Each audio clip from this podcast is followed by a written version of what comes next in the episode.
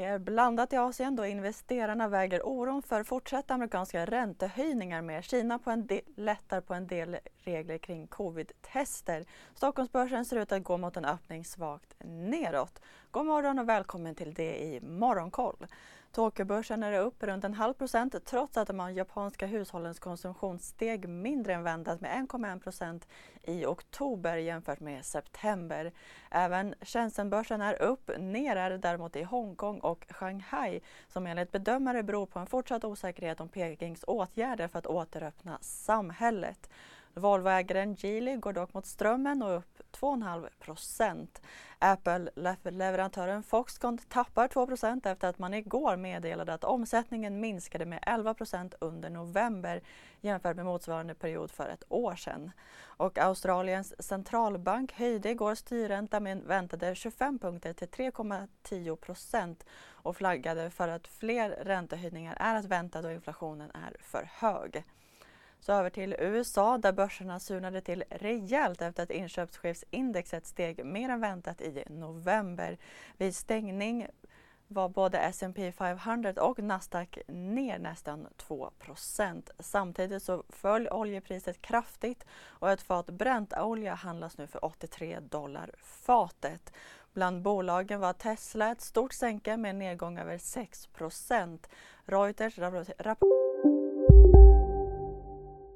där det finns ett samhälle, där finns det brott.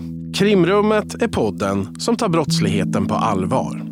Jag bjuder in landets ledande experter och tar upp aktuella rättegångsfall för att begripliggöra den kriminalitet som kryper allt närmare. Du, alltså, du kan knäcka ett eller några gäng, men det kommer komma nya och så kan vi knäcka dem sen. Men att du ska knäcka allt forever, det kommer aldrig ske. Det är infinite gain. Lyssna på Krimrummet, en podd från Expressen med mig Kim Malmgren. Rapporterade igår om att elbilstillverkaren planerar att minska sin produktion vid fabriken i Shanghai, något som Tesla sedan dementerade. Tufft var det även för techjättar som Microsoft och Apple. Så till Sverige där kullagertillverkaren SKF utreder en försäljning av sin flygverksamhet som tillverkar special specialkomponenter för flyg, flygindustrin. Enligt uppgifter till Bloomberg som också uppger att Christer Gardells aktivist från Cevian, bolagets storägare, är drivande i frågan. Enligt källorna kan SKF komma att meddela om planerna inom en vecka. Och orderingången på tunga lastbilar på den nordamerikanska marknaden som är väldigt viktig för Volvo visar i november på en fortsatt stark marknad trots nedgång jämfört med oktober. Teknikbolaget SmartEye har beslutat att ta in 325 miljoner kronor i en ny emission med syftet att stärka bolagets finansiella ställning och att finansiera det resterande kapitalbehovet tills att SmartEye blir kassaflödespositivt. Och på Swedbanks kapitalmarknadsdag idag så förväntar sig analytikerna information om hur banken ska nå 15% avkastning på eget kapital och hur digitaliseringen ska komma att påverka bemanningsbehoven. Och så i Finland så är börsen stängd idag då man firar sin självständighetsdag. Men det var allt för nu. Missa inte Börsmorgon kvart i nio och Börskoll klockan två. Ha en fin dag.